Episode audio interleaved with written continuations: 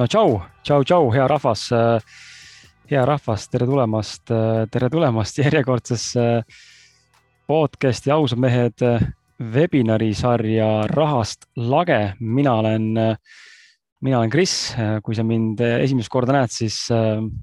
tore, tere, meeldiv tutvuda ja kui sa oled varasemalt ka näinud ja kohtunud ja kuulnud või kuulanud saateid ja osalenud käesoleval webinari sarjal, siis, siis rõõm. anna palun chatis mulle kohe praegu teada, kas sa kuuled äh, mind ja, ja kas sa näed mind ja Danieli pilti hetkel või minu ja Danieli pilti. ja siis lähme edasi. kuulen ja näen, super, väga hea. Äh,, väga hea, andke siin tuld ka selles osas, kes on äh, eelnevalt siis äh, webinari sarjas äh, rahast, rahast lage osalenud, oleks huvitav teada, kui paljud teist on kuulanud eelmiseid ja, ja siis juba lähme edasi ka, aga mina viin sisse väikse sissejuhatuse, kasutan teie aega, teie väärtuslikku aega selleks, et enda eh, tooteid reklaamida ja, ja selle peab sul, pead sa lihtsalt üle elama selle ja siis lähme Danieli jutu juurde ka. esmalt tahan tänada meie sponsoreid, kelleks on Fotopoint Eesti ja Vitamin Mill Eesti, kes siis võimaldavad meil seda asja natukene ägedamalt siin teha. raamat, selline raamat Äh, vaatame kohe, kuidas see kaamera fikseerib seda, väga hästi ei fikseeri, sest ma kuidagi varjan ise seda asja. Kontaktis endaga. nimi varjatakse ära, vaat kui geniaalne. raamat kontaktis endaga. Ähm, nii et äh, anna ka tuld, on sul see olemas? Ja, ja tähendab, kas sul on see raamat olemas? Ja, ja enne edasi ei lähe, kui ma saan ühe jah-sõna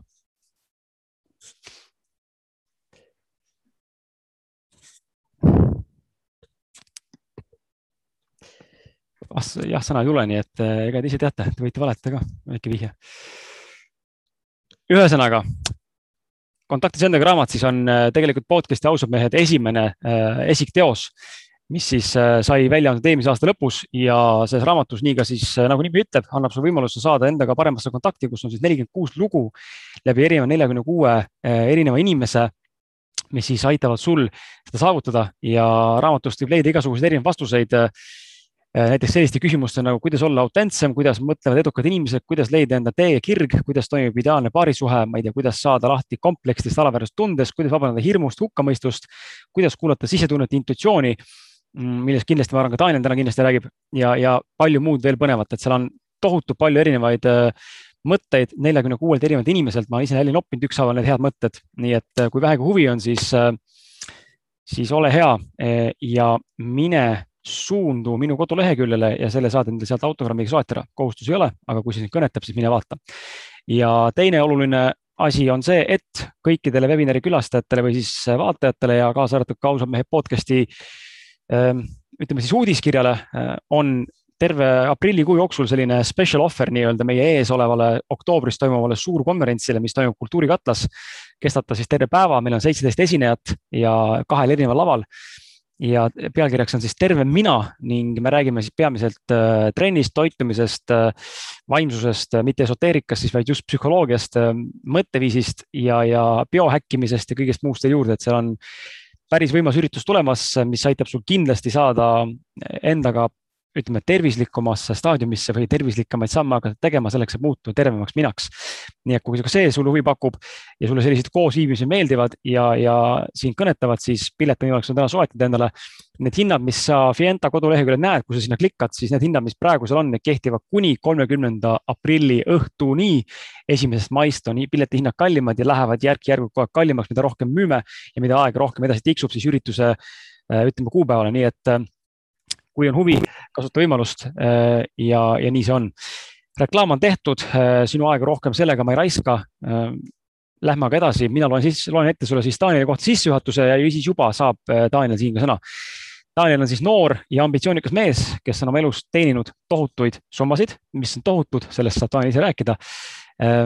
ja samuti on ka siis krüptoturg võimaldanud Danielile ka öösel magades piltlikult öeldes passiivselt käed rüppes või siis tegelikult äh, käed teki all või padja all äh, lebotades äh, portfelli kasvatamist. ja näinud on Daniel samuti maailma, reisinud päris palju ringi, õppinud tundma turge, erinevaid turge siis ning samuti krüpto, krüptovaluuta maailma, usaldanud enda sisetunnet tehingute ja järgmiste sammude tegemisel kogenud läbipõlemist päris suurelt, nagu ma aru saan, ja sellest ka õppinud. Ja samuti ka kogenud siis suurte rahade kaotamist, elanud totaalset high life elustiili, millest täna ka räägime, kuidas see on mõjutanud. Ja, ja sa siis tänaseks on õppinud oma, oma vigadest või siis ütleme kogemustest, ma ei ütleks, need vead on ja tal on ka väike tütar ning ta on valmis oma teadmisi kuulajatega ehk siis teiega täna jagama ja käesoleval webinaril siis Danieliga äh, räägime siis just nimelt krüptovaluutadest äh,. see on suur fookus, turul kauplemisest, see on teine suur fookus äh,, suurte summade teenimisest ja nende kaotamise mõjust meie psühholoogiale, elu muutvatest raamatutest ja ideest, kas raha muudab inimest ja nii edasi, ehk siis veel paljudest erinevatest teemadest, mis parasjagu spontaanselt üles tulevad äh,. tšau, Daniel. tšau, Kris, tänan sissejuhatuse eest ja, ja tervist kõigile kuulajatele, vaatajatele. vahva on sind näha, me oleme tegelikult sinuga mõelnud äh, ka maha istuda pikema podcast'i äh, raames, täna oleme küll siin webinari, äh, webinari raames tunnise formaadiga natuke rohkem, aga ma arvan, et kui kui meil endal teineteisega hea klapp on, siis me võiksime ikkagi selle pikema saatega ära teha ja seal rohkem detailsemalt rääkida, millest iganes siis täna rääkimata jääb. chat, hea kuulaja ja vaataja on siis just nimelt mõeldud selle jaoks, et sina saaksid seal küsida aktiivseid küsimusi Äh, kaasa mõelda, kaasa kirjutada, ma ei tea, mõtteid jagada, mis iganes veel, et anna ka tuld, sest et äh, sealt ma hakkan veel noppima siis küsimusi, mida ma küsin Danielilt, kas siis enda küsimuste vahele või täitsa lõpus, kui mul endal saab äh, nii-öelda torust jutt otsa. ja, ja ega siis äh, nii ongi. ja kui sind huvitab, millal tuleb saade välja järelevaatamisse, järelkuulamisse, siis kõikide eelduste kohaselt äh, kõikide eelduste kohaselt täna meil reede, no uue nädala alguses, ma arvan, et uue nädala esimese kolm, esimesel poolel tuleb siis saade igale poole välja, nii et äh, hoia silmad-kõrvad lahti. Daniel, lähme selle webinari sarja esimese küsimuse juurde, mis on selline klassikaline küsimus meil äh, olnud praegu kõigile osalejatele ja just meelega, et näidata inimestele erinevaid taustasid ja, ja kui, kui relevantne tegelikult see on siis selles, mida sa oled juba saavutanud ja, ja kus sa täna tegelikult oled. et milline on olnud sinu eelnev, ütleme minevikus olev taust, et kas sa oled sündinud kuldlusikas suus, oled sa olnud rikkast perekonnast, jõukast perekonnast,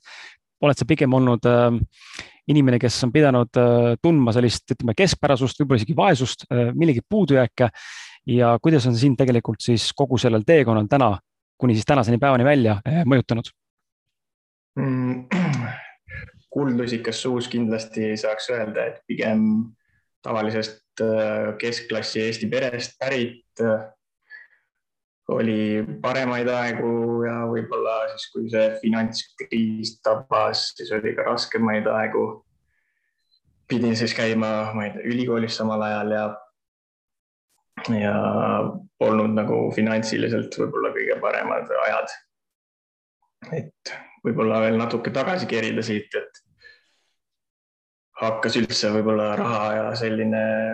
huvi pakkuma kuskil kaks tuhat üks aasta võib-olla kaksiktornide sellest rünnakust alates või, või natuke pärast seda, kui tuli Wikileaksi paljastused ja sellest hetkest nagu hakkas rohkem sihuke alternatiivne narratiiv huvitama või, või otsisid ise rohkem infot kuskilt foorumitest ja mitte mainstream kanalitest ja üritasid nagu maailmapilti sedakaudu nagu endale selgeks teha olles siis veel küllalt noor, kaheksateist või kuusteist, võib-olla isegi noorem.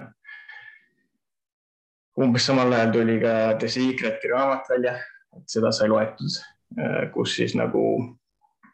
selgitati seda, kuidas äh, iga inimene loob iseenda mõtlemisega seda reaalsust, kus ta siis on, elab mm. -hmm. ja et sealt see, see, teekond nagu alguse sai nii-öelda peatume korra sellel The Secretil, et äh, see The Law of Attraction või siis eesti keeles külgetõmbeseadus, äh, küllusteadvus, äh, ma ei tea, mis iganes veel on ju, et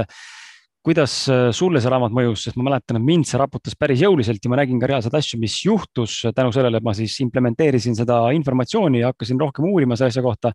aga samal ajal ma näen täna selle, selle õpetuse juures päris palju erinevaid puudujääke ühest ma olen rääkinud ka enda raamatus Mõistmaks, kes ma olen. Ehm, kas, milline sinu kogemus sellega ja kuidas sa täna nagu seda asja mõistad, kas see on sulle avardunud rohkem, oled midagi juurde õppinud? Kasutad seda endiselt teadlikult nii-öelda visualisatsiooni jaoks või manifesteerimiseks või, või ta jäi ikkagi sulle minevikku ja oli lihtsalt mingisugune tugipunkt? pigem ja jäi see nagu minevikku või see oli üks esimesi selliseid raamatuid, mille abil nagu ennast juhtida või, või et mõni sõber veel kasutas seal neid ideid ja selle abil nagu nägi elus muutusi või mis see esile kutsus mm. -hmm. hiljem on nagu näiteks Napoleon Hilli Think and Grow Rich, ma arvan, on veidike parem sarnasest valdkonnast äh, raamat. et kuidas siis äh, üles kirjutada ja rääkida häälega nagu enda reaalsusesse erinevaid asju, mida soovid kogeda siin elus. ehk siis kõva, kõva häälega nagu afirmeerida endale neid asju või? jah, paned kirja ja mida rohkem sa neid afirmeerid, siis seda ilmselt tõenäolisemalt need juhtuvad või, või mida, mida täpsem sa oled, seda, seda huvitavam saab see teekond olema. universum on nagu, universe works in a mysterious ways mm. -hmm. et äh, ta leiab alati tee, kuidas tuua sinuni need asjad, mida sa tahad kogeda, et äh, ütlen kõigile, et unistage suurelt, et kõik on võimalik. ise tahtsid võib-olla kunagi vormel ühega sõita ja tänu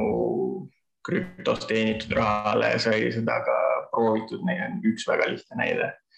et mis nagu võib tunduda niisugune täiesti ulmeline unistus või et uh, unistage suurelt ja uskuge sellesse.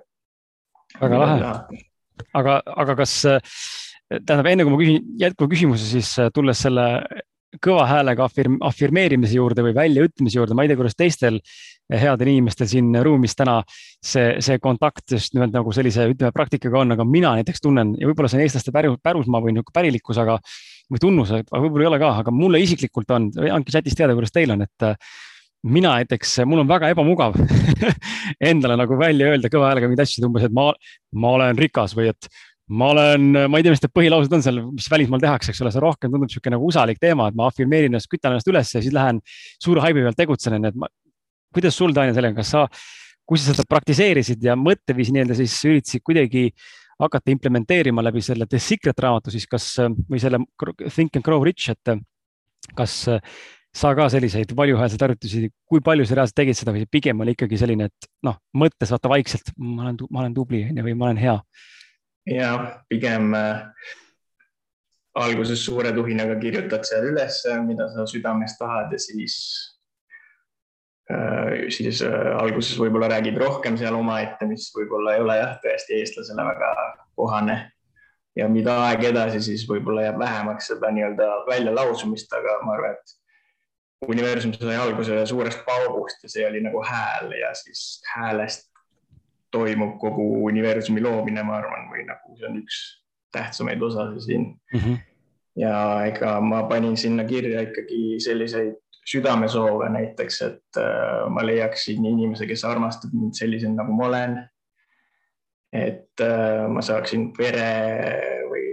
perega koos kasvada, oma tütrega koos kasvada, selles protsessis osaleda et mul oleks nagu piisavalt äh, finantsilist ja ajalist vabadust just osaleda selles protsessis nii palju kui võimalik. Äh, oma kodu, ma ei tea, auto, igast siuksed noh, lihtsamad soovid ja mhm, raskemad mm -hmm. soovid, aga mis nagu tol hetkel võib-olla tundusid üsna kaugel, kuna oli ülikool võib-olla seal poole peal ja eriti üldse finantsilist äh, vabadust ega midagi polnud.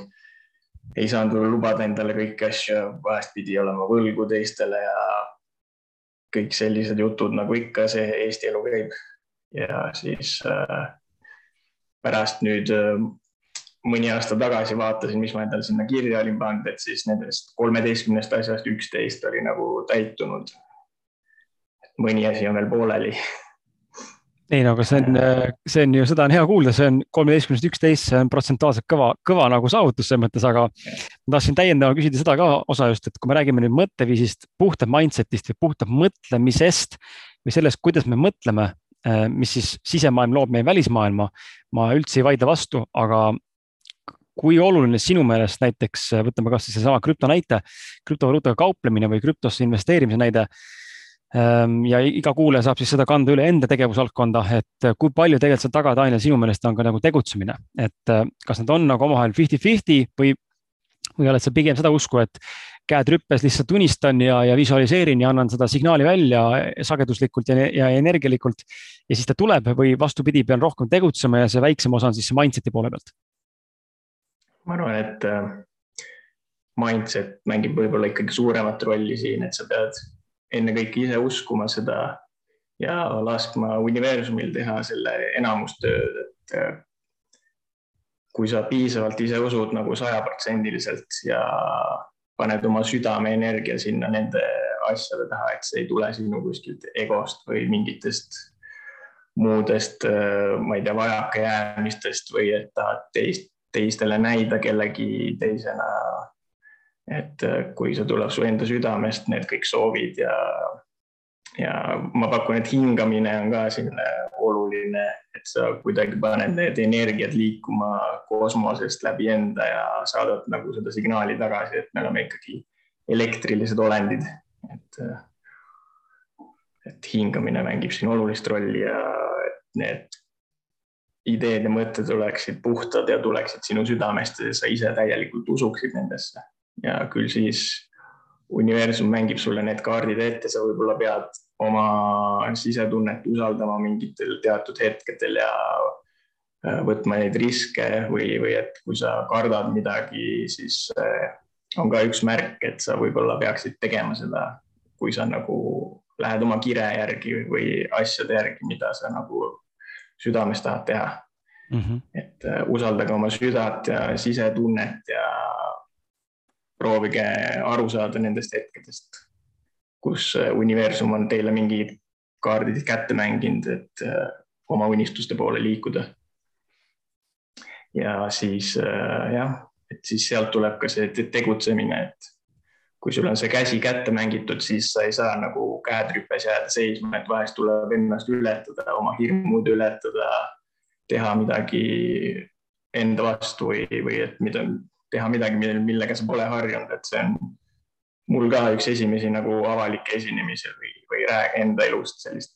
selline rääkimine selle kohta, jah. väga, väga, väga lahe, et see esimene on, see on äh, hea põnev kogemus. jah, mugavustsoonist väljumine, et olen nagu üritanud ikkagi taga, tagaplaanile hoida võib-olla kuskil jah, pidudel võib-olla inimesed on märganud või kuskil kuulnud mingeid jutte või, aga kunagi pole olnud mahti ega tahtmist rääkida oma elust niimoodi. aga siin me täna oleme. väga lahe. Äh, lähme nüüd selle krüpto juurde siit äh, niimoodi sujuvalt üle ja, ja püüame selle fookuse siis hakata nagu lahti kaardistama just selliselt, et äh, kuidas sa nagu selleni üldse jõudsid krüptomaailmani ja just kauplemiseni ja, ja, ja alustame siit Mm, krüptomaailmani jõudsin, ma olin, elasin Austraalias kaks aastat. Work and holiday nagu kõik, sai umbes kümmet erinevat ametit proovitud, alates viinamarjade pruunimisest, lõpetades door-to-door sales, müüsin tolmuimejaid, tegime mingeid ehitustöid.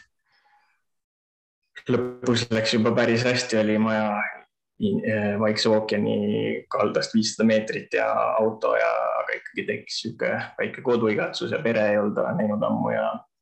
siis sai sealt ära tuldud, aga Austraalias ma esimest korda nägin Bitcoini nii-öelda internetis ringi surfates, kui ta oli kuskil neljakümne dollari kandis maksis. ja siis paar nädalat hiljem eh, sattusin uuesti peale, oli mingi kuue-seitsmekümneni tõusnud ja siis mõtlesin, et ma olen lootusetult hiljaks jäänud et äh, nii palju on juba tõusnud. siis lisaks nagu Austraalias see internetimajandus ja arvuti ja IT-sektor, kõik oli nagu veidike maha jäänud äh, võrreldes Euroopaga, kust ma nagu tulin ja õppisin ka TTÜ-s infotehnoloogiat, et ma olin üsna kodus selles maailmas, aga seal nagu käis rohkem elu selles hetkes ja seal äh, päike paistis ja oli nagu tegevust rohkem kui mm -hmm. seal internetimaailmas ringi tuklemist et siis ma tegin ka selle white paper'i endale niivõrd selgeks, et ma nagu sain aru, et siin on reaalselt midagi revolutsioonilist ja olles varem ka nagu alternatiivsetest allikatest endale infot otsinud palju, siis ma olin nagu kogu, kogu maailma nii-öelda rahandussüsteemi ja rahaloomeprotsessi ja keskpanganduse ja kõik need pangandussuguvõsad ja endale kõik selle selgeks teinud. Ja siis nägin siin nagu sel selget alternatiivi olemasolevale süsteemile. aga mingit kindlat otsust tol hetkel nagu investeerida ei tulnud. tulin tagasi Eestisse. elasin siin ka oma elu edasi ja, ja siis äh, ikkagi võib-olla paar aastat hiljem, kui Ethereum välja tuli, tuli ka esimesed investeeringud ja sai praegu väga populaarset Dogecoini kaevandatud ühe sõbraga niimoodi, et kolm videokaarti olid pappkastis ja siis äh, kaevandasid seal coin'e, et. räägi korraks äh, oma sõnadega ka palun sellest kaevandamisest, sest et äh, ma, ma praegu ainult eeldan, palun tehke, teeme chatis asja nagu selgeks, et need viiskümmend inimest, kes siin praegu meil ootavad, kui paljud teist täna reaalselt krüptodesse investeerivad, kui paljud teist on need, kes on kuulnud ainult sõna Bitcoin või Ethereum, plokiahel või, või te olete juba nagu fanatid ja täitsa nagu hullumeelsed profid, et andke nagu teada, mis, mis tasemega inimestega me räägime, siis suudame natuke nagu võib-olla ka äh, oskan mina Danielile suunata ja omalt poolt kaasa rääkida ja Daniel siis nagu reaalselt vastata, et mis, mis on teie teadmised täna äh, reaalselt siis äh, krüptodest, palun andke chat'is meile teada, siis me saame siit edasi minna ilusti. aga sa vasta nii kaua siis jah, mis on, mis on siis äh, kaevandamine, mida see endast ette kujutab? kaevandamine kujutab ette plokiahela puhul siis võetakse kõik äh, tehingud, mis toimuvad erinevate inimeste vahel. et plokiahela võlu peitubki selles, et äh, kolmandat osapoolt ei ole vaja nii-öelda, et pangad ja kes iganes on nagu äh, väärtuse vahetamise protsessist välja tõstetud ja siis need tehingud pannakse iga kümne minuti järel plokkidesse nii-öelda ja siis võimsate arvutitega või siis videokaartidega nii-öelda tehakse see ahel turvaliseks, et äh, seal on nagu äh, üks punkt sinusoidi peal, mida siis kõik need kaevandajad üritavad äh, arvutada välja, et kus kohas see nii-öelda õige vastus on mm -hmm. selle ploki lahendamiseks. umbes kõik panevad oma kaevandamise jõudluse sinna mängu ja siis üks neist võidab selle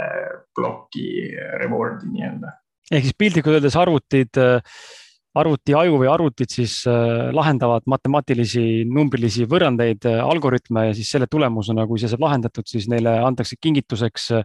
või tasu, tasu mõttes antakse siis nii-öelda vastava krüptovaluuta münt. Jah, täpselt nii on. Ja siis me ostsime mõned videokaardid ja panime need kingakarpi ja asusime ka kaevandama siis tol hetkel ühte Bitcoini klooni, Dogecoin, mis on praegu viimasel ajal väga populaarseks läinud. et äh, jah, sealt sai nagu see pisik sisse ja kõik alguse vaata, kui huvitav, sa mainisid, et Bitcoin jõudis sinuni sel hetkel esimest korda, kui ta oli juba sihuke nelikümmend dollarit, onju, rääkimata siis sellest, et tegelikult sa magasid maha ka selle perioodi, kus ta oli sandikopikad, onju, nagu enamik coin'i alguses on, kui nad tulevad algselt välja. Ehm, kas kõige, minu kõige valusam, tähtsam küsimus, kas sa ostsid ja hoidsid, mis hetkeni mm,? Bitcoini ei ostnud, e-, Ethereumit sai ostetud suht alguses ja Dogecoini sai kaevatud ja siis neid äh, turule tuli järjest rohkem erinevaid projekte, münte ja sealt nagu pole, ma ei pea ennast väga heaks kauplejaks tegelikult või et ma olen ainult enda põlve otsas nii-öelda seda õppinud ja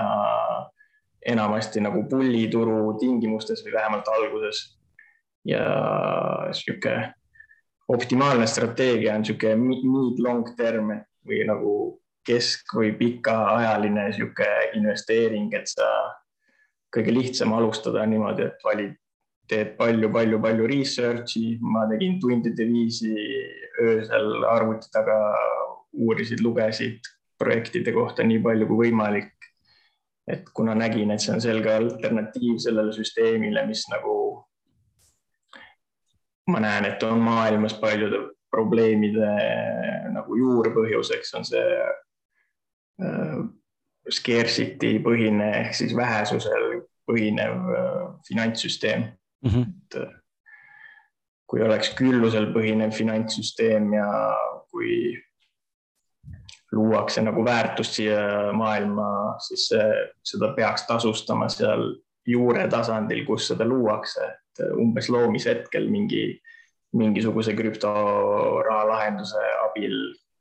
tekitada seda raha, mitte et, et keskpangad tekitavad seda kuskil üleval ja siis ta peaks teoori, teoorias kuhugi alla tilkuma sinna, kus reaalselt seda väärtust luuakse. Äh, mida rohkem tooteid ja teenuseid on meie ühiskonnas, siis seda mugavamalt me saame kõik tunda ennast, et äh, raha on nagu energia või, või selline energia ekvivalent. et äh, mida rohkem erinevaid tooteid teenuseid on, seda äh, mugavamalt me saame kõik elada ja tunda ennast siin maailmas. aga tagasi tulles, siis kuhu me tagasi tuleme? ma korra, korra peatun ka selle juures, et ka mulle pakuti kunagi täitsa selle Bitcoini algusajal Bitcoini ostmist, mäletan, see käis küll läbi mitte otse nagu niimoodi, et nagu täna on, eks ole, ma ostan Bitcoini nii-öelda, aga see kuidagi oli hoopis teistsuguse nagu süsteemiga, ma ei tea, kas siis oli, võib-olla mäletan valesti, aga mul on meeles minu meelest Bitcoin, võib-olla ma ajan OneCoiniga sassi, kuigi minu meelest Bitcoin, noh, OneCoin tuli hiljem, see ei olnud enne, onju, aga ütleme Bitcoinist. ja, ja mul on see meeles ja, ja ma mäletan, mina ei ostnud ja ma ei ole ka täna väga suur Bitcoini nagu fanatt. ma nagu ei näe selles nii palju väärtust, minu jaoks on see nagu hind täiesti ebanormaalne, mis täna juba on vahepeal kuuskümmend kaks tuhat dollarit teil tükk. noh, peaaegu et ühe kesk, sihukese väiksema korteri hindeni nagu päris sürreaalne mõelda, virtuaalne münt, mida tegelikult füüsiliselt katsuda ei saa, on ju, tegelikult on kõik lihtsalt kuskil virtuaalselt. aga nagu jube, jube on, jube, jube on nagu mõelda selle peale, et isegi see neljakümnega on ju, või, või sajaga, kui oleks saanud osta ja, ja arvestades seda, mis hinnaga ta on tänaseni vahepeal olnud, siis noh, see on, see on nagu niivõrd rets äh, tootlikkus, okei okay,, viimase kümne aastaga, aga siiski, ähm, et ma ei, vaata raskeks teeb, raskeks teeb ka see, et me, kui me otsime järgmist Bitcoini inimesed küsivad ka väga tihti, ma kujutan ette, et aga kuhu investeerida, eriti kui sa oled nagu algaja krüptovaluuta turul on ju, et kuhu investeerida, millisesse projekti investeerida, projekte on täna üle kaheksa tuhande peaaegu on ju, neid on nagu nii palju lihtsalt. ja neid tuleb ainult juurde, on ju, kõik teevad oma münte on ju, me võiks ka Taine sinu kokku panna pead ja teha siin oma mundi on ju. kui hästi see läheb, ma ei tea, on ju, aga aga lihtsalt on nagu huvitav näha, et neid on nagu nii palju, et tõesti ei tea, kuidas ja kuhu investeerida. ma küsiksin sinult siinkohal mis on nagu sinu soovitus, et kui sa ütlesid ka, sa oled teinud nagu tohutut research'i näiteks mingi mündi või ettevõtte kohta. et millised on need parameetrid võib-olla, mida sa tahad nagu julgelt täna kindlalt nagu inimestele soovitada, sest ma nägin chat'ist, lugesin veidi, seal on, meil on täna päris palju, ütleme, võhikuid ja algajaid, kes alles kombivad seda turgu ja, ja tõenäoliselt võib juhtuda see, et täna investeerivad ja siis eh, homme turg kukub ja oma portfell null on ja siis mõtlevad, krüpto on fake on ju. et eh, kuidas nagu sina inimesi võib-olla oskad siinkohal nõustada ja suunata, et millistele parameetritele või, või ütleme kindlatele sellistele mm, punktidele on võimalik toetudes aru saada, milline münt on tegelikult mingisuguse potentsiaaliga, ma ei ütle, et ta saab järgmiseks Bitcoiniks, aga mingi potentsiaal ma ise kasutan kõige levinumaid, kunagi kasutasin coinmarketcap.com'i kõige rohkem, viimasel ajal rohkem coingecko.com, et äh, nendel lehtedel on enamus need mündid üles pandud ja kõik vajaminev info on seal mõne kliki kaugusel. parameetritest rääkides, äh, et võib-olla äh, aeg läheb edasi ja leiutatakse järjest uusi coin'e, et äh, näiteks Bitcoini üheks pudelikaelaks oli siis äh, transactions per second ehk äh, kui palju ülekandeid saab sekundis teha. seda on ilmselt liiga vähe, et nagu tavakäiberahaks, rahana seda kasutada. et siis kindlasti selle kogukonna nii-öelda aktiivsus või suurus, et Dogecoinil on väga suur, et on nagu memecoin ja suur kogukond on seal taga, kes nagu kasutavad seda ja haibivad, et seal on natuke võib-olla seda turupsühholoogiat ka peab uurima ja leidma neid potentsiaalseid coin'e ja Eks siis millised suudavad teha neid nagu tehnoloogilisi uuendusi et kuhu poole see turg on liikumas, et millised need lahendused on, mida otsitakse. mm. -hmm. siis võib-olla neid graafikuid jälgides, et käid nendel lehtedel, jälgid neid graafikuid, vaatad neid protsente. seal võib-olla vaatad, volüüm on üks tähtis mm, statistika nii-öelda, kui palju tehinguid tehakse selle coin'iga päeva jooksul või nädala või kuu jooksul. Et ähm, ja siis jälgidki nagu neid trende, proovid tabada sügavamalt, et äh, ma ei ole tehnilises analüüsis väga hea, et kindlasti on Eestis palju paremaid inimesi, kes on võib-olla Foreksi taustaga või tule, on seda te, teinud tööna kuskil pangas või ja nii edasi, eks ju. E, äh, ma arvan, et krüptoturgudel see tehniline analüüs ka võib-olla nii, nii palju ei päde, et äh, krüptoturgudel on vähem automatiseeritud treidimisi ja neid black box'e nii-öelda mustasi kaste, mida suured pangad ja investeerimisfondid kasutavad ja et see on nagu võib-olla rohkem äh, tavainimesed treidivad seal krüptoturgudel ja, ja siis seega need võib-olla liikumised ja volatiilsus on suurem kui äh, nii-öelda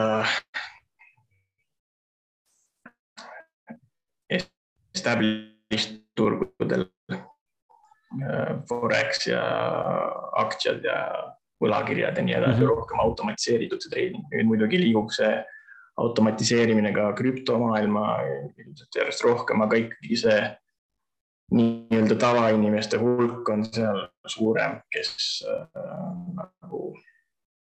ma ei tea, day-traderid ja nii-öelda inimfaktor, inimpsühholoogia mängib siin rohkem äh, rolli, et kui tuleb niisugune sell-off nagu eile-üleeile oli, siis kui sa oled mingis altcoin'is, siis kui sa juba nagu tabad natuke seda, et Bitcoin hakkab äh, kukkuma, siis sa väljud enda altcoin'i positsioonist ja väljud ka enda Bitcoini positsioonist, et siis äh, kahe päeva pärast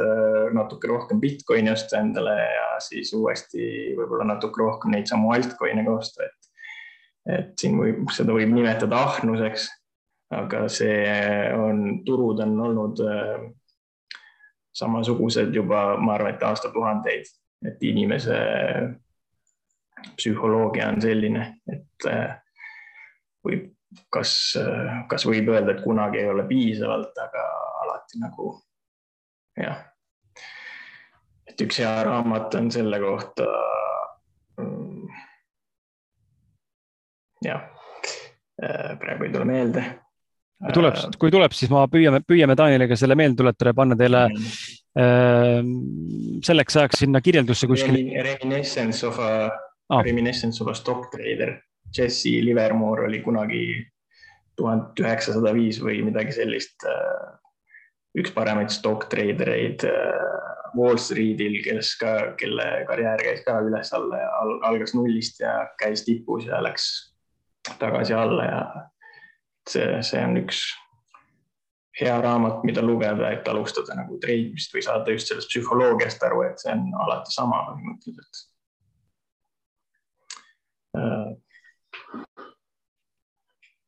oma, oma portfelli, ma vastan siin sellele küsimusele. ja, ja ma just vaatasin sama asja. kuidas hajutada oma portfelli, kas investeerida ainult krüptosse või teistesse varaklassidesse ka? et mina olen nagu die hard äh, krüptofänn ja tulen nagu sellest taustast, et ma nägin selles alternatiivi praegusele olemasolevale vigasele finantssüsteemile, et äh, ma olen äh, investeerinud enamasti ainult jah, krüptodesse. Alustanud krüptost ja kuidas ma hajutan seda, et mingi kolmkümmend protsenti võib-olla kuskil niisugustest kindlamates vanemates coinides nagu Bitcoin, Ethereum, mm, mis siin veel viimasel ajal suuremateks on kasvanud nagu Binance coin või, või äh, Solana on vist kasvamas ja Polkadot viimasel ajal on ka nagu Ethereumile niisugused alternatiivid, aga väga tõsiseltvõetavad projektid, kus on taga suur tiim ja suur kogukond mm. -hmm siis võib-olla kolmkümmend protsenti mingites niisugusetes äh, nii-öelda keskmise suurusega potentsiaalikamates projektides, mis võib-olla on nagu erinevates sektorites nii-öelda, et võib-olla mingid lending platvormid või mis viimasel ajal populaarsust kasvatas, mingid DeFi projektid või, või siis mingisugused, ma ei tea, rohetehnoloogia või nagu valid mõned erinevad sektorid ja siis valid sealt mingid paremad projektid. ja siis hoiad neid äh, kaheksa kuud kuni paar aastat, äh, oleneb turust, et kui pulliturg algab, mis siis nüüd algas kuskil eelmise aasta lõpus võib-olla. siis sellest hetkest vähemalt aasta-poolteist üldiselt turg kasvab või nagu see on kõik tegelikult sisse kodeeritud Bitcoini sellesse kaevandamisprotsessi nii-öelda. et äh, see äh, coin reward nii-öelda pooldub iga circa nelja aasta tagant mm. -hmm ja siis see kasutajate arv jälle samas suureneb äh, eksponentsiaalselt, siis tekib nagu pakkumise nõudluse suhte tagajärjel eksponentsiaalne tõus Bitcoini hinda. ja siis äh, kui bear market läbi saab, siis positsioneerid ennast alguses tugevamatesse coinidesse ja kui hakkab nagu pulliturg, nagu see selle aasta algus on olnud, siis äh, otsid neid keskmiseid keskmise market cap'iga nii-öelda coin'e ja siis võib-olla jah, ma ei, võib-olla kakskümmend või kümme protsenti paned mingitesse äh, väikese market cap'iga uuematesse projektidesse, üritad leida kas näiteks Binance Chain'i pealt või Solana või Polkadoti pealt mingisuguseid uuemaid projekte, milles sa näed potentsiaali, mis lahendavad reaalselt mingit probleemi, kus on mingisugune business model taga. et äh, tegelikult see turg on meeletult muutunud ka sellest ajast alates, kui ma nagu esimest korda nii-öelda läbi lõin äh, kaks tuhat seitseteist aasta lõpu bullrun'i ajaga võrreldes on nagu neid võimalusi palju rohkem oma vara säilitada ja panna see mingit äh, passiivset intressi koguma või, või mingi DeFi lahendusesse, et nagu pakkuda likviidsust turgudele enda, enda olemasolevate varade abil. Sa mainisid siin, sa mainisid korra siin ka erinevaid valdkondi, et vaadata, mis valdkonda need krüptovaluuta ettevõtted siis ennast paigutanud, positsioneerinud on, mis valdkonda nad lahendavad ja kus nad tegutsevad, siis chati pani ühe lingi, et siitsamas coingecko.com leheküljelt saab siis võtta categories lahti ja kui te neid vaatate praegu kasvõi koos meiega koos siin, siis siin on tõesti erinevad, et siin on nagu nii-öelda kauplemisplatvormi põhised, siin on mingisugused stable coin'id nii-öelda, siin on ähm, mingisugused äh, storage ehk siis varustamise teemad, banking on ju, siin on noh, neid valdkondi on väga palju erinevaid, äh, mis siin, kuhu siin tegelikult need krüptovaluutad nii-öelda siis äh, paigutuvad. Ja, ja mina pean nagu Daniel sind siin siinkohal toetama, et ka mina olen oma kogemusena äh, täna nagu full on krüpto ja, ja tavaline klassikaline investeerimine on nagu tunnen, et see ei ole üldse minu jaoks, mul puudub igasugune huvi ja, ja tänu krüptovaluuta nagu valdkonnale või selle tundmaõppimisele või, või siis ähm, olles täna veel õpilane selles asjas, siis ma tegelikult näen juba, juba õppimise protsessi käigus, et kuivõrd katki tegelikult see on ja kui, kui palju tegelikult saab muuta paremaks seda asja, mis täna olemas on. Äh, küsimus on, millal, eks ole, mitte kas enam, äh, igal juhul see krüpto väga palju muutma hakkab siin maailmas ja juba tegelikult muudab aga, aga mind on ka nagu totaalselt see endas sisse võtnud ja, ja mul ei ole kahtlustki, et see on, on nagu tulevik. Ja loomulikult äh, ma igaks juhuks ütlen ka disclaimer'ina inimestele, kes on nagu algajad, ei tasu nagu võtta ei minu juttu ega Danieli juttu siin sulatõena, sest et äh, me ka spekuleerime ja me ei tea tõde, aga vaadates seda pilti, mis krüptost nagu viimase kümne või pluss aastaga saanud on viimase või viimase kolme aasta jooksul, nagu Daniel mainis, siis noh, näha on, et ega see siit ära, enam ära ei kao kuskile põhja see turnu ei kuku selles mõttes, et nullid ei lähe ja, ja pigem, pigem üha rohkem on tavaettevõtted nagu mingid Facebookid ja mingid pangandused ja, ja muud asjad hakanud seda asja siis äh, plokiahela või muude süsteemide mõttes enda jaoks implementeerima ehk kasutusele võtma või ise hoopis krüptot tegema hakkama, nii et need on nagu ainult märgid, et tegelikult see asi ainult kasvab ja kasvab ja kasvab ja ma ei kujuta ette, mis need hinnad siin võib-olla paari aasta pärast olla võivad, aga ma arvan, et need, need, mis me täna näeme siin mingite müntide puhul, ma arvan, et noh, äh, neid hindu me ei näe mitte kunagi enam, ma arvan jah, käimas on äh, neljas äh, tehnoloogiline revolutsioon nii-öelda. et kõik, kogu maailm liigub detsentraliseerituse poole, et meeldib see meile või, või siis äh, pankur, keskpankuritele, nendele, kes rahatrükimasinate juures praegu on või kes omavad võimu öö, otsustada maailmas öö, neid suundasi, kuhu me liigume, siis jah. Praegu on siis see neljas tehnoloogiline revolutsioon nii-öelda kus kõik äh, asjad liiguvad äh, detsentraliseerituse poole, et siis ongi, me usaldame koodi, arvutikoodi inimeste asemel, et inimfaktor kaob ära siit meie asjaajamistest. ja matemaatikat ja arvutikoodi on nii-öelda palju lihtsam usaldada või et sa tead täpselt, mis seal juhtub, milline see Bitcoini inflatsioon on näiteks, kui palju seda emiteeritakse. ja sealt edasi tulevad igast targad lepingud ja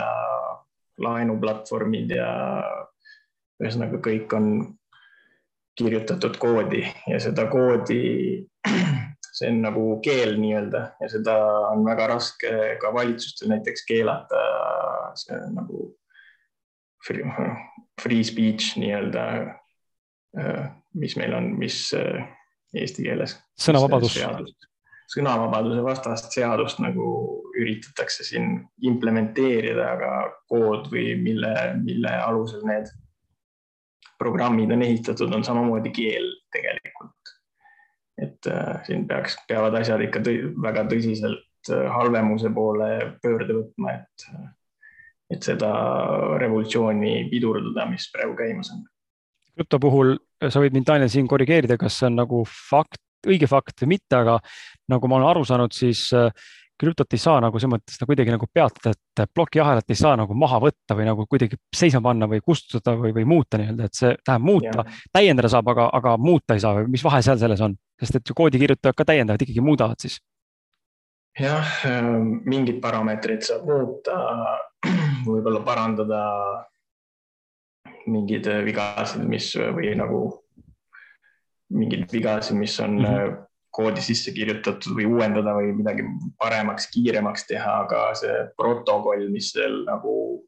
alustõed nii-öelda Bitcoinide hulk või see kaevandamiskiirus, et kogu see võrk nagu need inimesed, kes selle nimel töötavad ja nad ei lase nagu muuta neid põhitõdesid seal taga ja alati jääb mingi, mingi hulk arvuteid kaevandama neid äh, kuskil maailma nurgas, isegi kui enamikus maailmas peaks internet ära kaduma, siis äh, need kaevandamismasinad kaevandavad ikkagi seda edasi. Ja küll see internet kunagi tagasi tuleb või ja siis nagu see konsensuse mehhanism või see konsensuse protokoll seal ongi see Bitcoini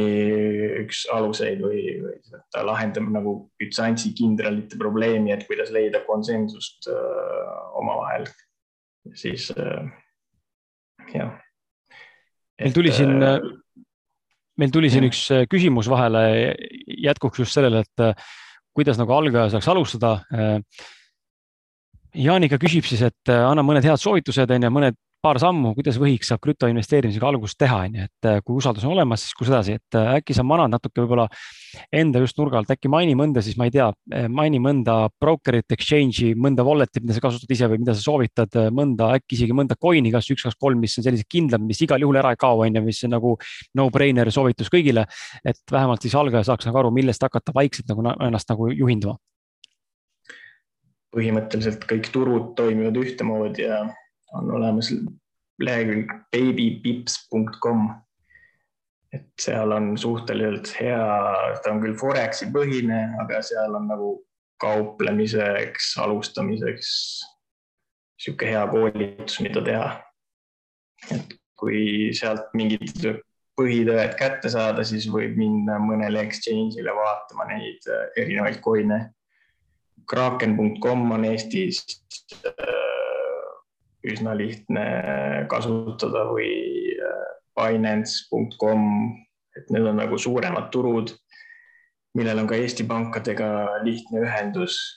Äh, võib-olla isegi kõige lihtsam võib-olla Change, Change äpist mõni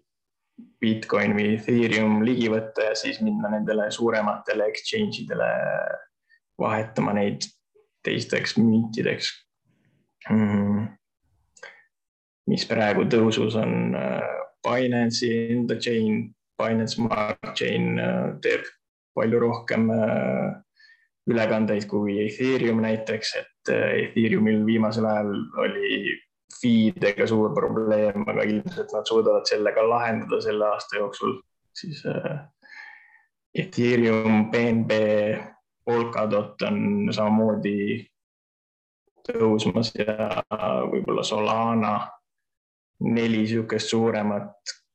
nagu smart contract'i protokolli, niisugust eraldiseisvat chain'i nagu. ja siis sealt jah, research ida nendel protokollidel mingeid uuemaid projekte, mis lahendavad erinevaid probleeme, mis tunduvad relevantsed antud hetkel. et jah. Change. jah et Change Investist äh, mainides, siis on tegemist Eesti ettevõttega. Kristjan Kangro on selle omanik, äh, mul üks lapsepõlvesõpradest, äh, kui kui teid huvitab, kui teid huvitab Kristjan Kangro nii-öelda story või kogu see Change Invest ettevõtte teema, siis on võimalus ausad mehed podcast'is kuulata hashtag kuuskümmend kuus numbriga episood, kus ta siis räägib peaaegu et poolteist tundi sellest ettevõttest ja kogu sellest krüptovaluuta turust samamoodi, nii et ma arvan, et see on hea soovitus, et sa andsid siia, sest et see on tõesti üks, üks väga lihtne äpp ja, ja tõesti mugav nagu kasutada eestlastele ka. -hmm siis äh, jah, üritada lugeda kauplemise psühholoogia kohta just raamatuid ja viia ennast kurssi nende trendidega, kuhu maailm on liikumas. üks oluline koht, kust ma ise infot hangin, on krüpto Twitter, et siis Twitter at Danny B Real. ma jälgin kuskil tuhandet erinevat äh, kontot, aga seal on, ma arvan, niisuguse krüpto Twitteri OG-d ja algusaegade kunnid ja erinevad, erinevad nagu tegijad Twitteris, kes siis avaldavad oma kauplemisstrateegiaid ja oma nägemusi turust ja paljud on seal läbi löönud ja oskavad head nõu ja jõuga soovitada lisaks on meil oma sõprade pundist välja kasvanud sihuke chat Messengeris uh, major uh, day uh,, major whole year in a day club. et eesti keeles teenisin sinu aastapalga ühe päevaga klubi põhimõtteliselt. et see on nagu Facebookis on grupp ja siis Messengeris on grupi chat, kuhu eesti keeles Eesti kutid panevad oma soovitusi, infot. Hmm..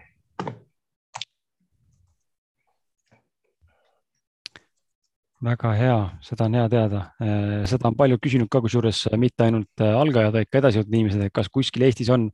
relevantseid selles mõttes gruppe või, või koosviibimisi, kus siis seda infot saab nagu levitada, sest välismaal on seda rohkem, eks ole, aga Eestis tundub alati, et mingid siuksed spetsiifilised valdkonnad nagu mingisugused krüpto või, või mingid muud asjad, siis see on nagu nii, nii close nagu ring, et seal seda infot lihtsalt nagu kvaliteetset infot või kvaliteetset sellist väärtust väga ei levi ja siis sa otsidki sealt kuskilt kurat, kust teab, mis iganes lehtedelt ja lõpuks oled ummikus omadega, sest infot on väga palju täna juba ja kõik räägivad seinast seina juttu on ju, loomulikult kõik see, mis täna Tanel räägib, mina räägin ja võib-olla seal grupis räägitakse või ükskõik, mis lehel sa leiad.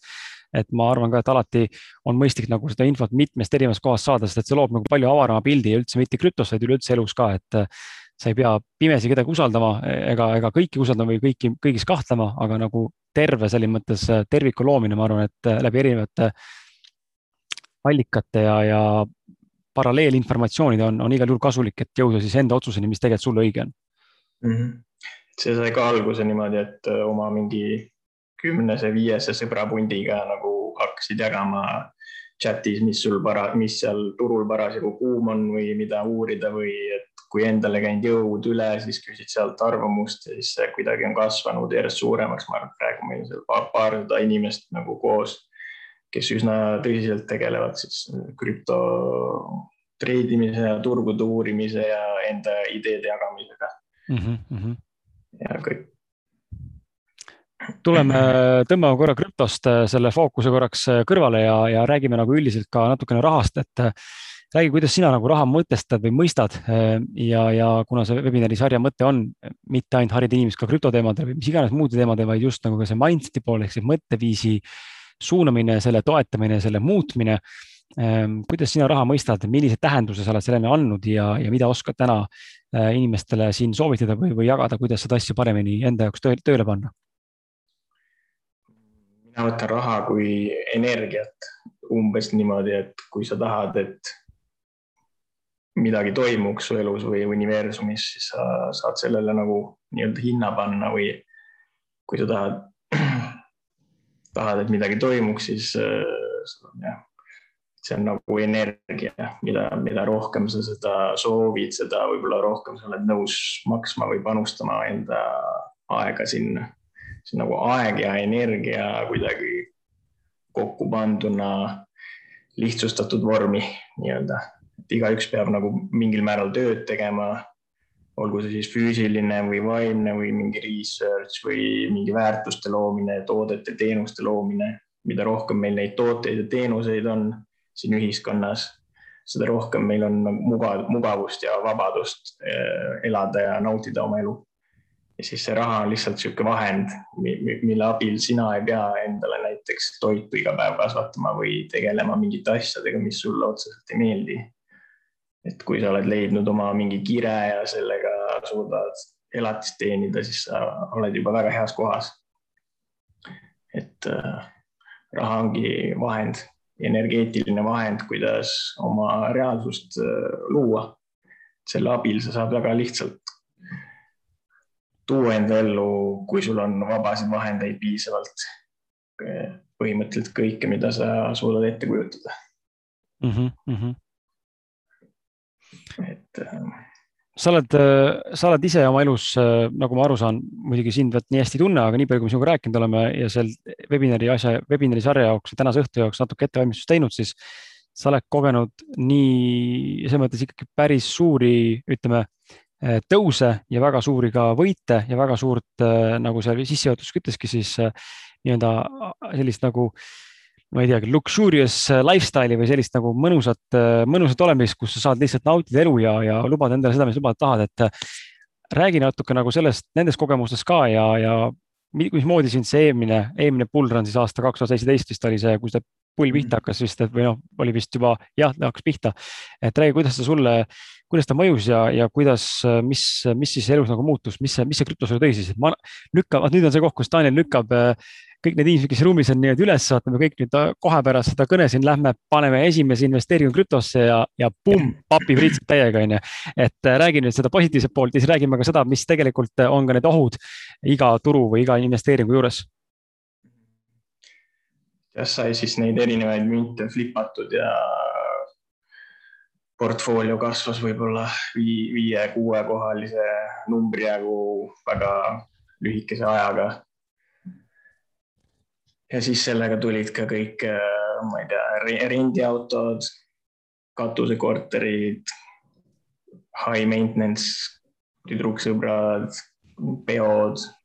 sellega kaasnevad droogid kõik selline, mis kuidagi viis sind nagu sellesse hetke nautimisse ja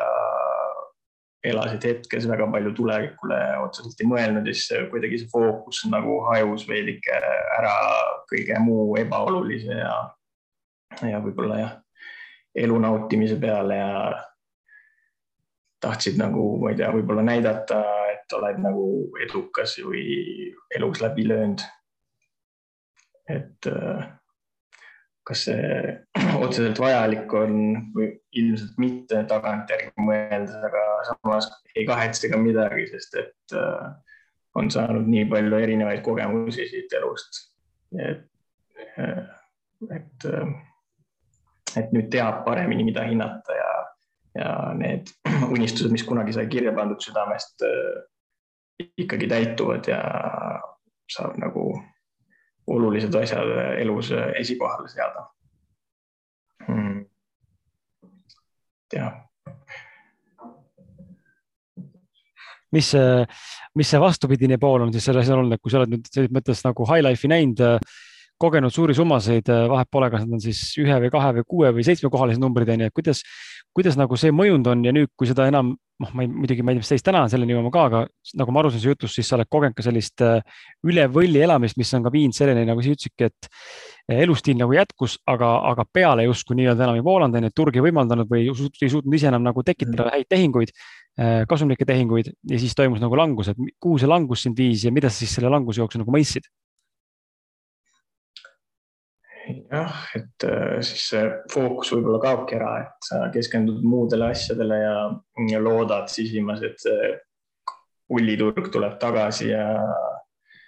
samas nagu oled juba harjunud selle niisuguse mugava elustiiliga ja et ei pea, ma ei tea, hindasid vaatama ja saad kõike endale lubada,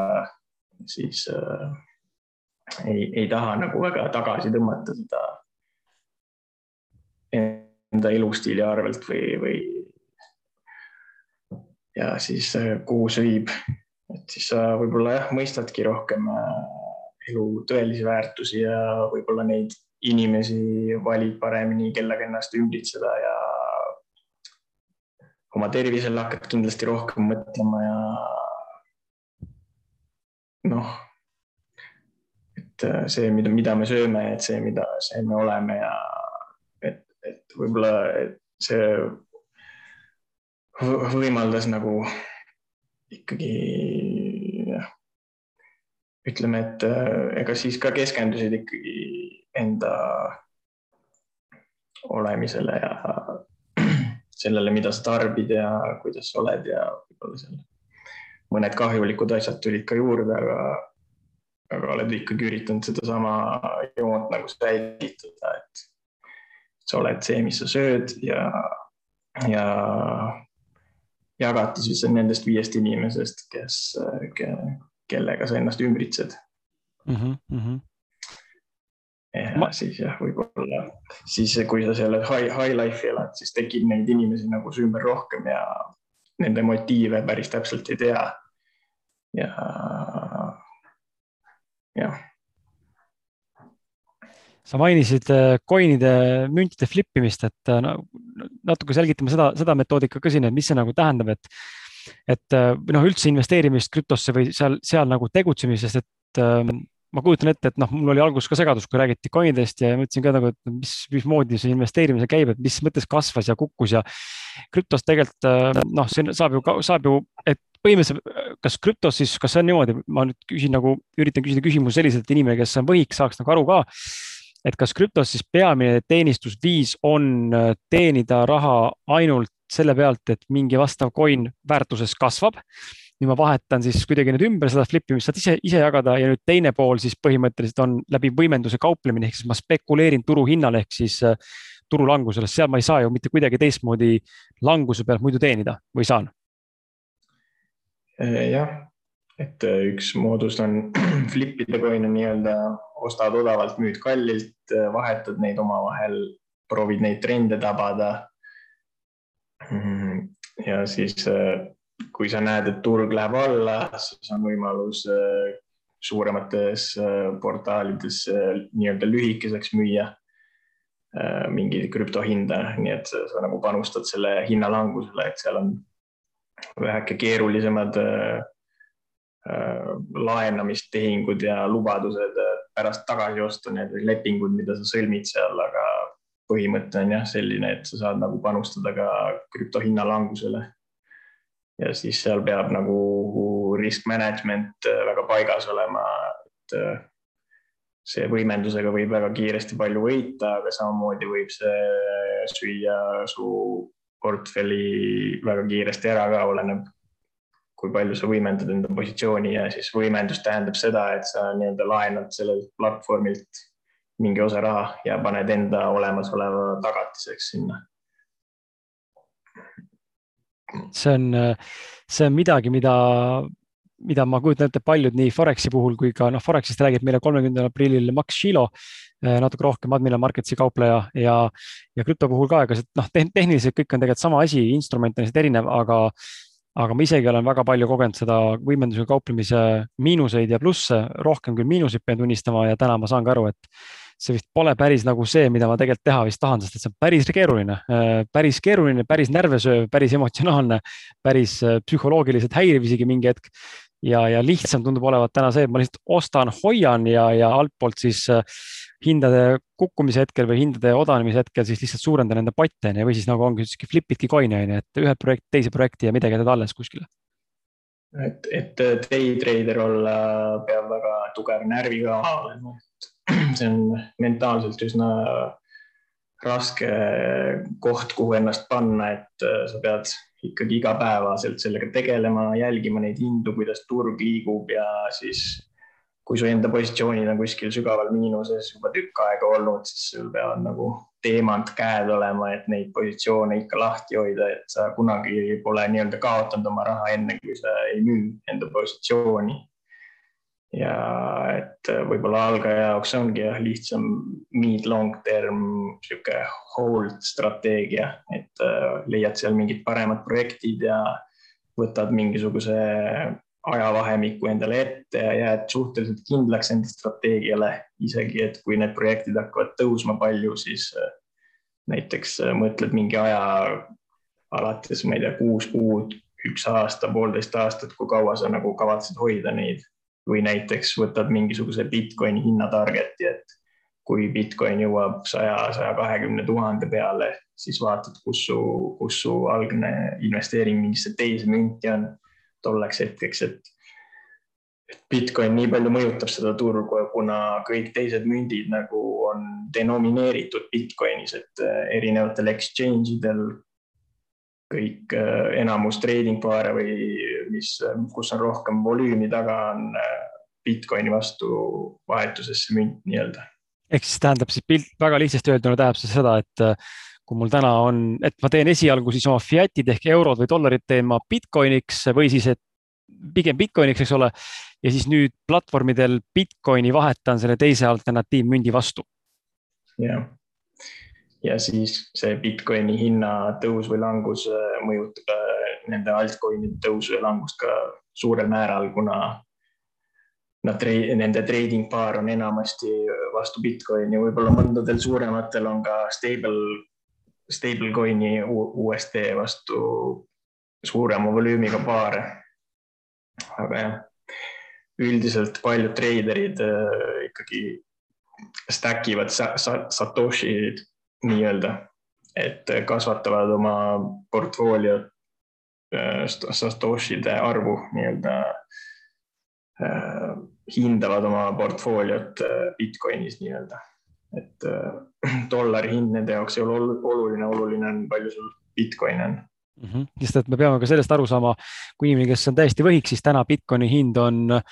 noh, ütleme siin nelikümmend üheksa tuhat dollarit või mis ta eurodes on, ma ei tea, aga, aga see tähendab seda, et kui sul ei ole osta ühte tervet münti, siis sa ostadki nagu mingit nii-öelda komakohtadega ka saab osta krüptot täna on ju, et mm. -hmm et selles mõttes äh, sealt ongi siis see, et sa akumuleerid siis seda Bitcoini nii-öelda või Ethereumit või mõnda muud münti ja, ja need komakohad, noh, suuremas osas need komakohad ongi suuremad rohkem Bitcoinis, teistes ikkagi on hinnad nagu normaalsemad või noh, kättesaadavamad kõigile. aga jah, et siis äh, inimesed koguvadki seda portfelli nii-öelda jah, äh, head äh, strateegia seal on dollar cost average, et mm -hmm. sa iga näiteks punane päev nagu täna on või, või eile ostad äh, mingi summa eest endale Bitcoini ja siis järgmine kord, kui jälle mingi turg languses on paarkümmend protsenti või mis sa endal selleks piiriks paned, siis ostad jälle näiteks viiesaja eest ja näiteks paar aastat järjest. siis, kui sul parasjagu võimalik on või palgapäeval või, või pärast palgapäeva esimesel punasel päeval turgudel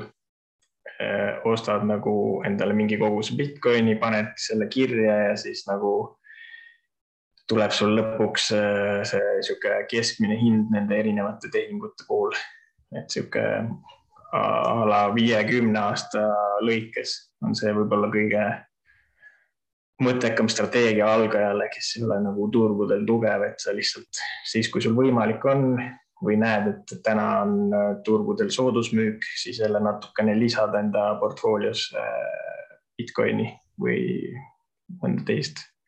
mõnda teist tugevamat projekti.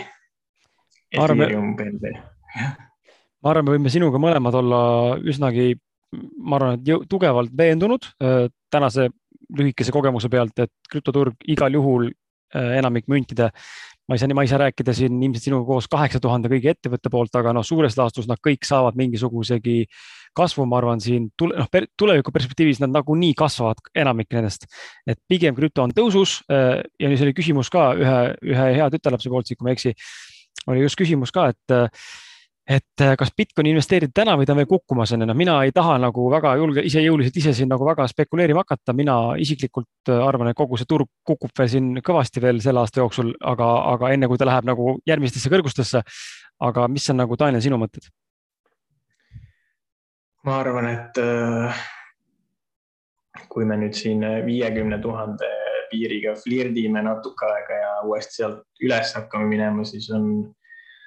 oodata võib-olla saja tuhande purunemist selle aasta lõpupoole või järgmise alguses. sada, sada kakskümmend tuhat on niisugune kõikide niisuguste pessimistlikumate arvutuste tagajärg reaalselt, kus äh, matemaatikas tugevad inimesed on võtnud siis selle kasutajate hulga ja olemasolevate Bitcoinide hulga ja teinud seal lineaarregressioon tehteid ja välja arvutanud, kuhu, kuhu see võiks äh, välja jõuda nii-öelda järgmiseks tipuks mm. -hmm. siis tuleb ta kindlasti sealt alla. ma pakun, et seekord see karuturg ei saa nii, nii pikk ja ränk ja vaevaline olema, et äh, paljud äh,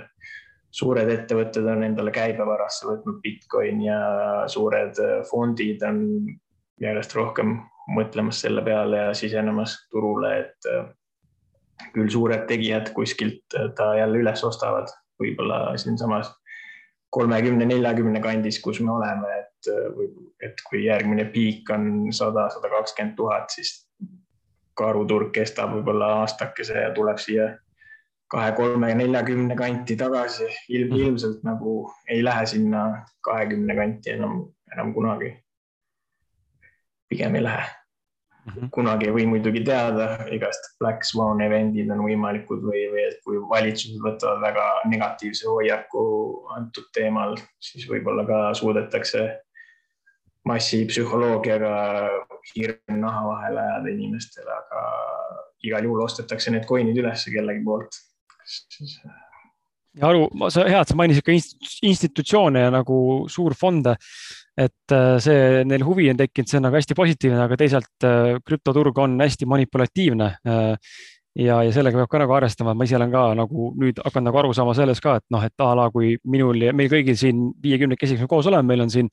ühine fond, eks ole, meil on sada miljardit, nüüd lähme turule on ju, ilmselgelt me natuke pumpame hinda tänu sellele, et me ostsime nii suure volüümi on ju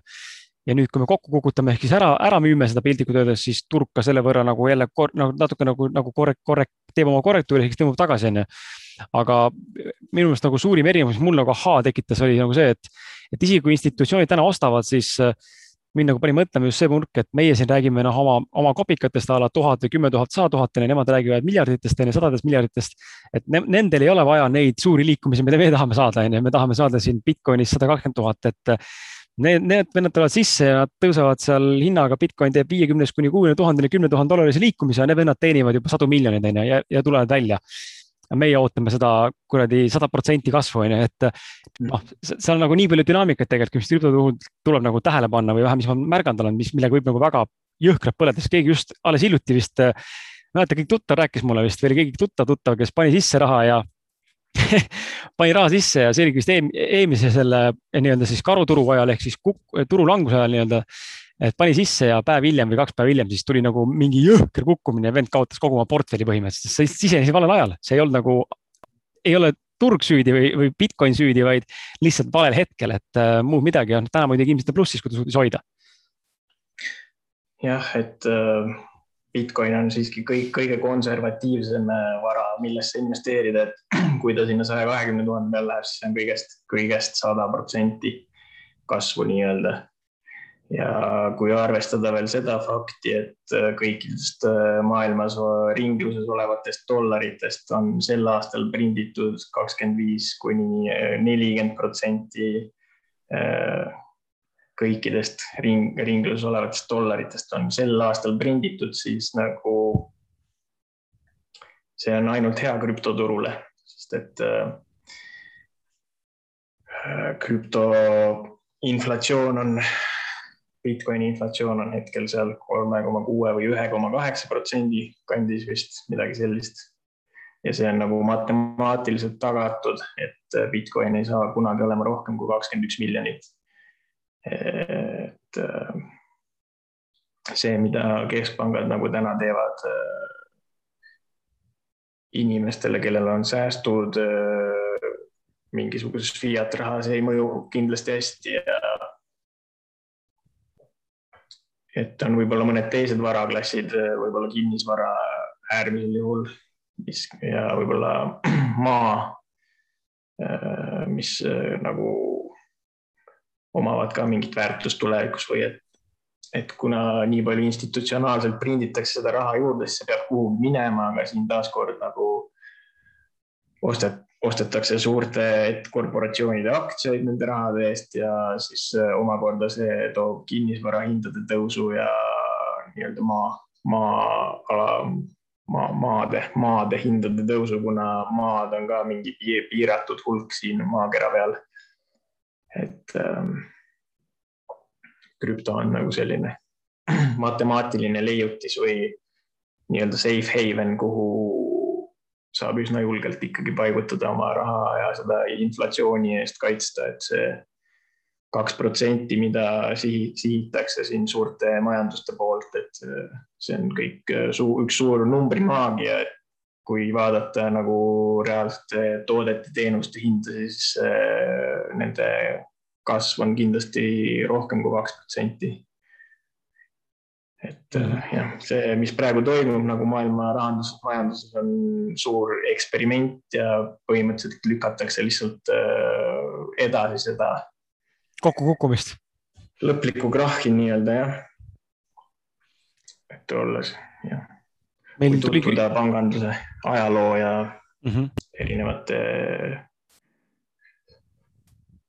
pangandus nii-öelda suguvõsade ajalooga, siis see on nagu sisse kirjutatud sellesse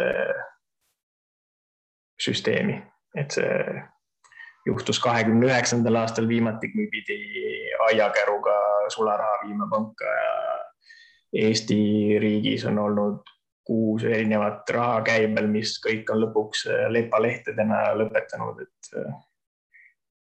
Et ega euro mingi erand ei ole, ütleme niimoodi.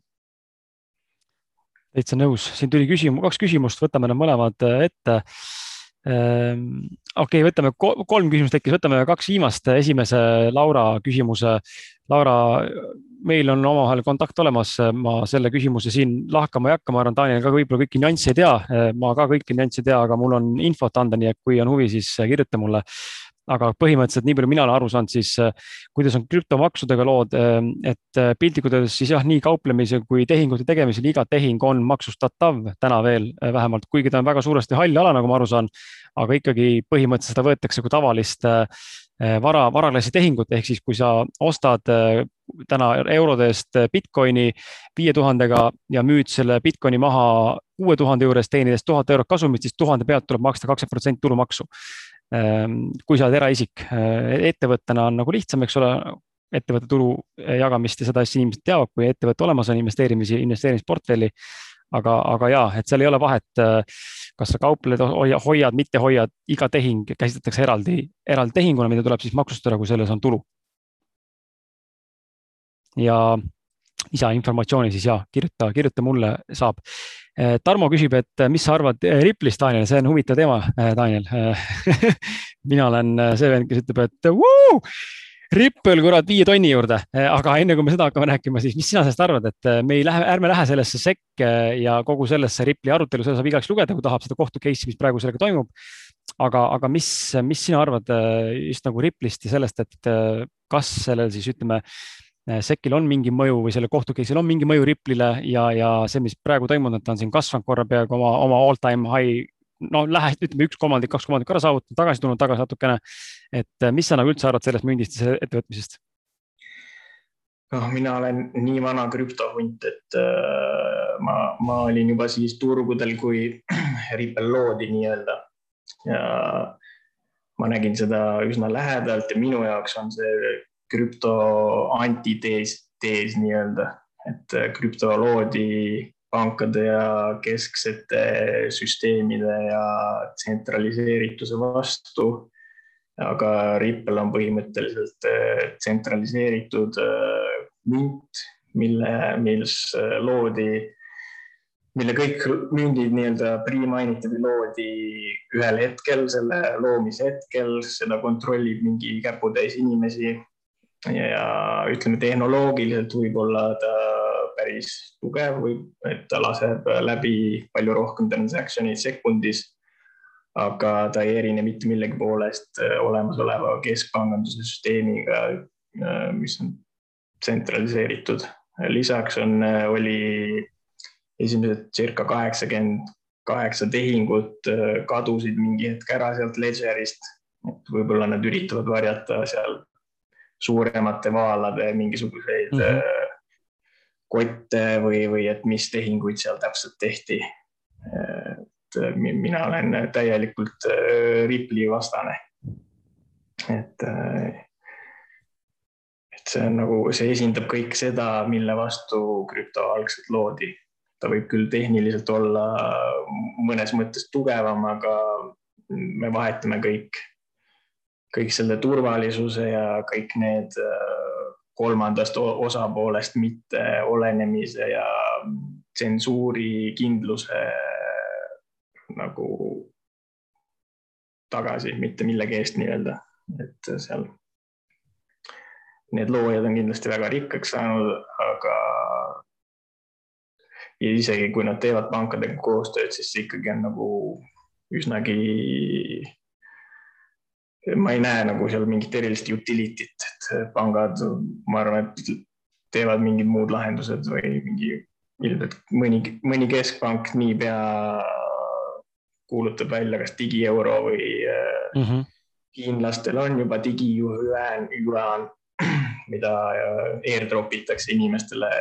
umbes viieteist dollari kaupa või, või saja viiekümne, ma täpselt ei tea. ja eks äh, praegune maailma reserv, reservvaluuta USA dollar kui nad ei taha ajale jalgu jääda, peavad ka tulema mingisuguse digilahendusega ilmselt välja, aga just siin tahakski toonitada seda privaatsuse aspekti või et, et äh, sinu Bitcoini puhul sinu,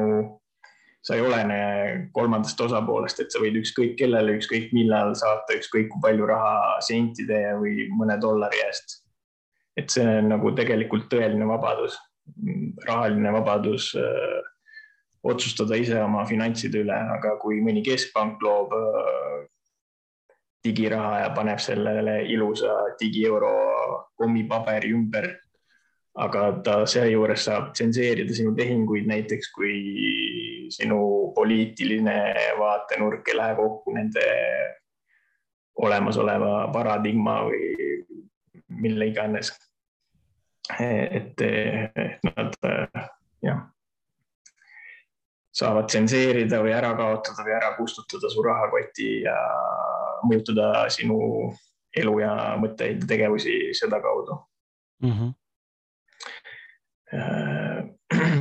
Privacy coin'id on ilmselt siin ka üks, üks pääsetee sellest, et äh, kui, kui mõni keskpank peaks välja tulema oma krüptorahaga ja siis hakkama piirama kas Bitcoini või teiste krüptorahade kasutamist, siis äh, privacy coin'ide sektor on see, mis hakkab äh, hullult buumima, kuna maailmas on nagu piisavalt äh, suur see krüptoinimeste kogukond, siis ja nad on enamasti teadlikud privaatsuse võludest, siis see privacy coin'id ilmselt nagu sellel hetkel hakkavad buumima kõvasti, kui keskpangad oma käike hakkavad tegema. turvalistest rahakottidest rääkides on, ma ise kasutan Mycelium, ma võin kirjutada siia. Change Investist me rääkisime juba eelnevalt ka, see link on üleval olemas, see on üks äh, ka tegelikult wallet jah, Change Wallet on nii-öelda äh,, nemad on sinu raha custodian'id, et et kui need pole sinu võtmed, siis see pole sinu raha mm -hmm. tegelikult, kui nagu olla hardcore Bitcoiner, siis sa peaksid kasutama sellist rahakotti, kus sa saad ise oma privaatvõtmeid hallata, siis Mycelium on üks nendest. Uh.... kas, äh, kuidas on nende füüsiliste toodetega, mingisuguste ledger itega, kas neid ka inimestele soovitad või, või pigem see on nagu hardcore next level shit? Ütleme, et ta on üsna turvaline jah. Et kui sa tahad oma, kui sul on palju raha, millest, mida sa ei taha kaotada, siis see on kindlasti üks, üks moodus, mille poole vaadata, et äh, hardware wallet'id üldiselt on äh, üsna häkkimiskindlad, et neil pole suuri turva mingeid pläkke olnud siiamaani ja nad piisavalt äh, kiiresti uuendavad oma tarkvarasid ja firmware'i ja kõiki asju nagu, et hoida inimeste äh, raha turvalises kohas. Sa pead muidugi ise ka teadlik olema, et kuidas seal need äh, taastamissõnad salvestada kuhugi paberi peale ilmselt kirjutada ja võib-olla kuhugi kindlasse kohta see paber ära panna. ja nii edasi. Samurai wallet on ka üks äh, üks hea wallet äh, Androidi peal, kes ka nagu võtavad su privaatsust üsna tõsiselt, et kui sa Bitcoiniga, Bitcoini liigutad ja seal on mõned lisa, lisavõimalused, kuidas neid ülekandeid teha. et need, need kaks wallet'it on nagu, mida ma soovitan kasutada, ma ei tea, Androidi telefoni peal mm. -hmm ma ei tea, ma ei tea, kas õunatoodetel on need olemas või mitte. Piviksi kohta kaks tuhat seitseteist aastal oli ta üsna kuum kaup mingi vahe, ma arvan, et tegi kümne või viiekümnekordse tõusu või, või oli jah. otseselt viimasel ajal ma väga palju nende kohta uurinud ei ole, aga nii palju olen teadlik, et nad on ikkagi, käivad uuendustega kaasas ja üritavad oma toodet nagu ajaga kaasas kanda ja parandada olemasolevaid vigu ja võtta uusi tehnoloogiaid kasutusele, et selles suhtes ilmselt on enam-vähem tugev tiim taga ja kogukond ka piisavalt suur, et, et äh, ilmselt nad jäävad alles ikka siia turule. Ja siis üldiselt jah, sa rääkisid, et kaheksa tuhat erinevat coin'i on nüüd nendest tuhat või kaks tuhat võib-olla on mingid projektid, mis nagu on piisavalt nišitooted, et äh, nagu jääda alles, seal on nagu väga palju on siiski ka nagu selliseid, kas lihtsalt puht, puhtakujulisi skämme või väga nõrga tiimi või community'ga projekte, mis äh, mille, ma ei tea, landing page ja idee võib küll tore tunduda, aga seal taga võib-olla pole piisavalt arendust või, või community't, et seda asja nagu reaalselt lendama panna või läbi, läbilöövaks muuta. et tulebki nagu vaadata, kas GitHubis on piisavalt äh, action'it, nii-öelda uuendusi, kuidas arendustiim toimib äh, kas community kanalites, kuidas suhtutakse uutesse inimestesse ja kuidas, ma ei tea, kui suured need community'd on, et äh, igale rahale annab siiski väärtuse selle kasutaja ja nende kasutajate hulk. et äh, see on iga raha puhul niimoodi. et äh, euro on üks euro väärt ainult sellepärast, et mina ja sina oleme kokku leppinud, et ta on üks euro väärt et kui keegi suudab teha, nagu ma alguses mainisin, mingisuguse uue krüptoraha, mida levitada kuidagi juuretasandil niimoodi, et seal, kus tooted ja teenused nagu tekivad, kus töö tehakse ja siis see raha nagu nii-öelda kaevandamine võiks selles hetkes toimuda kuidagi. ja kui sinna saaks hästi suure community taha siis äh, sihukesel rahal oleks ilmselt suur tulevik. Mis suudetakse nagu jagada võimalikult paljude inimeste vahel enam-vähem võrdselt või vastavalt nende panusele tehtud tööle või tehtud toodete-teenuste pakkumisele, et Bitcoini laialijagamismehhanismiks on see kaevandamine nii-öelda, e-, eriti alguse perioodil, et sa panid oma arvutiressurssi sinna ja selle abil nagu jagati see laiali erinevate inimeste vahel, et sealt tekkisid ka need esimesed vaalad ja nagu see community, community nii-öelda keskosa või need, kellel on suurem stake või seal mängus nii-öelda, kes nagu teenisid alguses rohkem, et nemad nagu ka siis selle moodustavad selle tuumiku selles community's nii-öelda mm. -hmm. et neid inimesi Bitcoini puhul ka võib-olla ei olnud väga palju, aga kuna ta on nagu kümme aastat eksisteerinud ja tal oli nagu esimese alustaja eelis Bitcoinil, et siis need mündid on rohkem nüüd laiali jagunenud erinevate osapoolte vahel ja on tulnud ka suured tegijad mängu, kes on nagu nõus oma fiat raha vahetama nende müntide vastu. Et kui keegi suudaks selle laiali jagamise probleemi kuidagi uudset moodi lahendada ja kasutusele võtta nagu kiirema tehnoloogia võimalikult väikeste transaction fee dega nagu sularaha põhimõtteliselt, aga digitaalsel kujul. ja kaasata sinna võimalikult palju inimesi, siis ma arvan, et mingil sellisel projektil oleks lootust saada nagu käibevaraks, käiberahaks võtame selle viimase Cardano küsimuse ka ja siis äh, tõmbame otsad kokku. Cardano äh, peaks olema smart contract'i platvorm, millel vist ma väga kursis ei ole, aga et neil arendus ja plaanid ja kõik on väga kõva kogu aeg, aga seda action'it seal peal nagu väga vist ei ole, nagu ma olen aru saanud. Et eh, smart contract'i platvorm, kus noh, ta on võib-olla jah, niisugune niši, nišitoode rohkem või suure haibiga ja eks see peaprogrammeerija seal on nagu vanakooli Bitcoiner, kes, kes nagu on eh, üritanud luua midagi paremat või midagi alternatiivset. vahepeal tegi ta kõva tõusu ja ilmselt seal taga on mingi tehnoloogia, aga ma pigem panustaks äh, Solanale või BNB-le või, või Polkadotile, sellistest sarnastest coinidest. kuule, aga Daniel, äh, tund-poolteist on, äh, poolteist tundi läbi täis saanud, et väga cool. aitäh sulle, jumala, jumala äge ja põnev oli vestelda. Aitäh teile, aitäh kõikidele kuulajatele, loodan, et sain kuidagi abiks olla ja kõike head teile. ja mina tänan ka teid enda poolt ja ja nagu ma ütlesin, järelevaatamine, järelkuulamine, kui sa tahad uuesti seda kõike juttu kuulata ja endale asju kirja panna, tuleb uue nädala alguses. Kõik need lingid, mis me siin rääkinud oleme, ma püüan nad panna ka sinna vastavatesse siis podcast'i või, või uudiskirja või emaili kirjeldustesse või tekstidesse, nii et ja, ja lisaküsimused on oodatud siis mulle ja Danielile samamoodi, et äh, igal juhul. ja egas midagi, näeme teiega juba kakskümmend seitse, kui on huvi, aprill, Roland Toko on meil seal ja kakskümmend kolm, kakskümmend üheksa on meil